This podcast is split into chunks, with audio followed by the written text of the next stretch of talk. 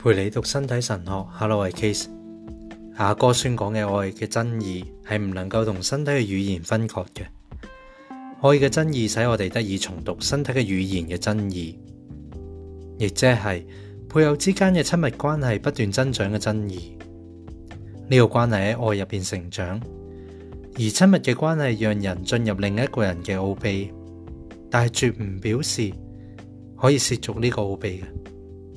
喺亚哥一章十三节嗰度讲，我嘅爱人有如沐浴狼，常系喺我嘅胸前。我嘅爱人有如凤仙花，生喺恩迪恩格迪葡萄园入边。我哋嘅床榻系青绿嘅草地。喺亚哥二章三节嗰度开始写，我嘅爱人喺少年入边有如森林入边一棵葡苹果树。我爱坐喺佢嘅荫下，佢嘅果实令我满口香甜。佢引我进入酒室，佢插喺我身上面嘅其次系爱情，请你哋去滋养我啦。因为我因爱成疾，佢嘅左手喺我头下，佢右手紧抱住我。配偶之间嘅亲密关系系喺爱入边不断增长，其中嘅争议在于心喜爱同埋感情嘅主体性向度喺呢个向度入边，呢个等同于喺自己身上面体会到对方嘅交付。喺一定意義上边，話係喺自己身上面去品尝佢咁樣嘅發覺同埋品尝，由頭先引述新娘嘅说話咧得到肯定，亦都由新郎其後嘅说話所肯定。新郎呢啲嘅話，同時都说明咗我哋應該要從主題嘅經驗呢個向度咧去理解我嘅愛人屬於我，即係喺亞哥六章三節嘅呢句話嘅意思。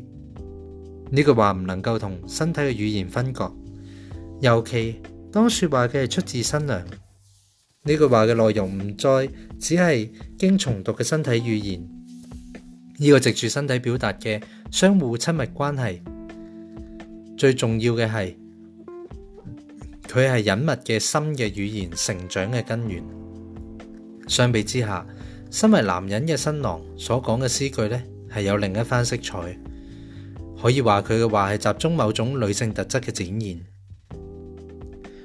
女性特质有形可见嘅一面呢，越嚟越占据新郎嘅眼目同埋心神啦。喺阿哥六章度写，我嘅爱卿啊，你美丽有如得萨，可爱有如耶路撒冷，庄严有如整齐嘅军旅。转过你嘅眼去啦，唔好再望我啦，因为你嘅眼咧使我迷乱。喺阿哥七章度写，你哋要睇舒密拉。女啲乜嘢呢？睇佢喺两队中舞蹈，王女啊！你嘅脚穿上咗凉鞋系几咁美丽呢？你嘅两腿圆润瓷玉，系艺术家手中嘅杰作啊！你嘅肚脐有如圆樽，总不缺少调香嘅美酒。你嘅肚腹有如一堆嘅蜜粒，周围咧有百合花围绕。你两个乳房犹如羚羊，一对孖生嘅小羚羊。你嘅颈项犹如象牙宝塔，你嘅两眼就好似希什本城巴特拉平门旁嘅嗰个祠堂，你嘅鼻啊，仿佛泥巴甸山上面面对大马士革嘅高塔，你嘅头颅耸立就好似咧加密山，你头上面嘅发边有如指锦，君王就为呢个卷发所迷，极可爱嘅悦人心意嘅女郎。你係多麼美麗咧，多麼可愛咧！你嘅身材修長就好似棕榈树，你嘅乳房犹如棕榈树上面嘅两串果实。呢個詩歌語言採用嘅隱喻，使我哋得以對呢首詩歌嘅來源啦、作者同埋特色咧作出各種嘅評論。虽然现代读者唔会将大部分嘅呢啲隐喻咧联系到有形可见嘅世界入边佢哋所熟悉嘅事物，但系佢哋表达同埋重读嘅身体语言咧，依然系完全可以理解到嘅。佢哋按住越嚟越亲密嘅夫妻关系嘅真实情况嚟表达同埋重读呢个语言。上文引述嘅诗句述说咗一种亲密嘅关系，喺呢个关系入边。关锁嘅花园喺一定程度上边喺新郎灵魂同埋肉身眼目前面咧去开启嘅。通过呢个亲密嘅关系，新郎更完整咁样去体验到新娘嘅交付。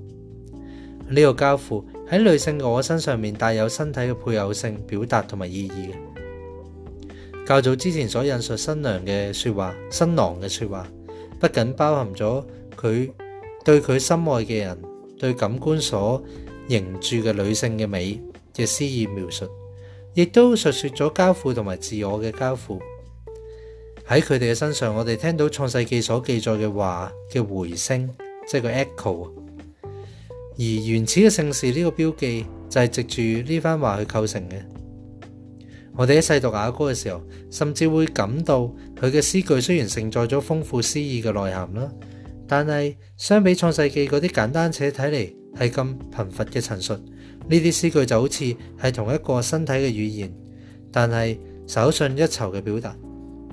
因此，我哋应该按住呢一种丰富嚟诠释呢一种贫繁，而且亦都要反过嚟以呢种贫繁去诠释翻呢种丰富，并以呢一种贫繁为依据。同时，新郎嘅话咧，继续表达咗男性嘅情爱喎。喺七章九到十节。佢就話：我決意要攀上棕榈树，摘取树上面果实。你嘅乳房的确好似兩串葡萄，你香氣香气芬芳，實如蘋果嘅香味。你嘅口腔滴漏美酒，直流入我嘅口內，直流到我唇齒之間。新娘馬上就回應啦，佢話：我屬於我嘅愛人，佢最心戀慕我。我嘅愛人，你嚟啦，我哋去田野間。喺乡间过夜，清晨起嚟，我哋去葡萄园啦，睇下葡萄有冇发芽，睇下花朵系咪怒放，石榴树系咪已经开花。喺嗰度，我要将我嘅爱咧献俾你。喺阿哥嘅七章十一节，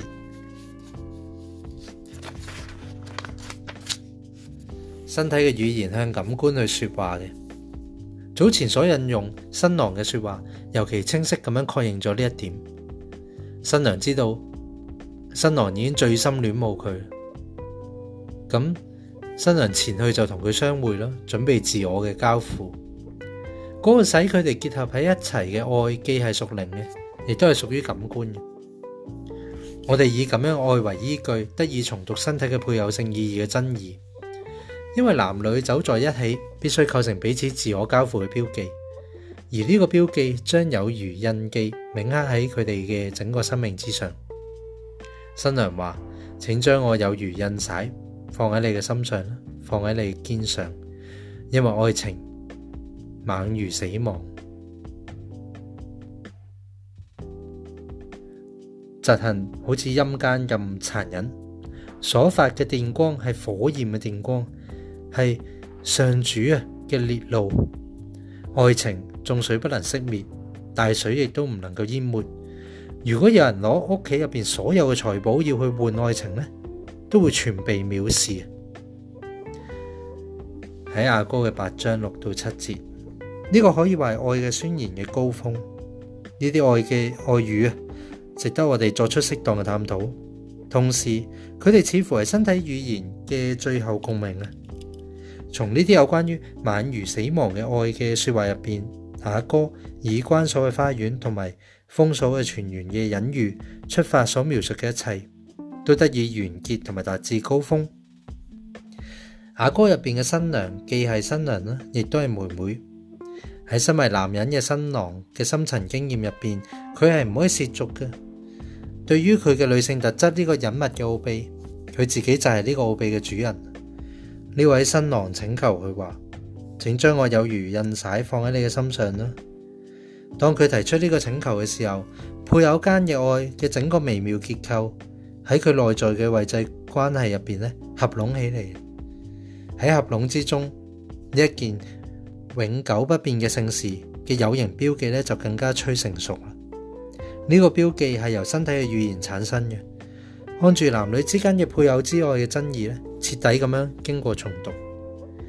阿哥系一部伟大嘅作品，表现咗人性嘅才华。用特殊嘅方式去描绘呢个标记嘅结构，而呢个标记嘅内容咧系极之丰富同埋多彩嘅。我哋咧下次再读。